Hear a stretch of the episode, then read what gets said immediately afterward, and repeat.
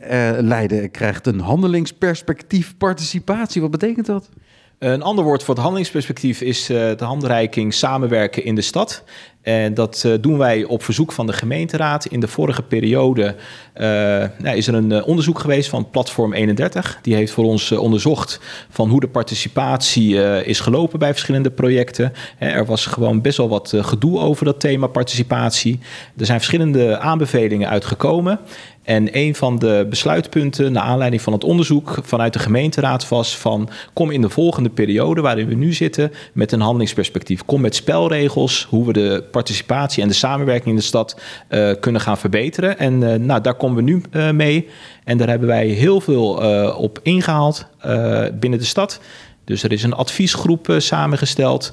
Maar wat ik uh, heel erg belangrijk vind, we hebben heel veel informatie opgehaald bij jongeren, bij internationals, mensen met een migratieachtergrond, ondernemers. Het centrummanagement is erbij betrokken geweest, hè, die de belangen behartigt van, uh, van ondernemers in de binnenstad. Om te zorgen dat wij deze regels, deze spelregels hebben samengesteld. En die zetten wij, gaan wij nu ter inzage leggen. Ja, want er waren eigenlijk geen spelregels voor participatie in Leiden. Dus het was een beetje afhankelijk van de projectleider van een bepaald project. Kan ik het zo samenvatten?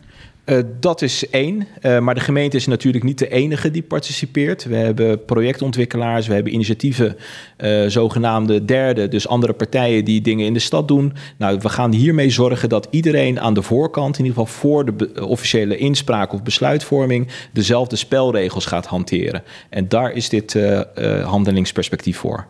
Wat wilt u bereiken met die spelregels?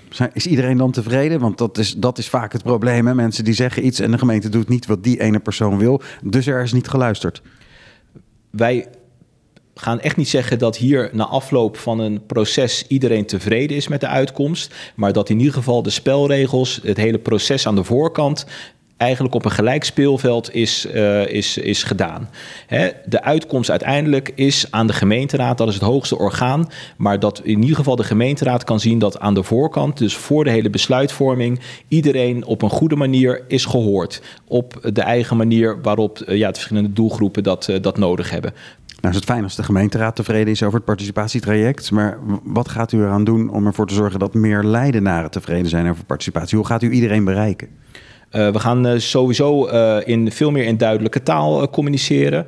wat we ook gaan onderzoeken is, hebben we bijvoorbeeld veel meer meertaligheid nodig? Hè, wellicht is het misschien voor sommige plannen, sommige beleidsstukken nodig om in andere talen te communiceren. Dus dat zijn ideeën. Maar ook digitaal, bijvoorbeeld jongeren zou je misschien digitaal veel beter kunnen, kunnen bereiken.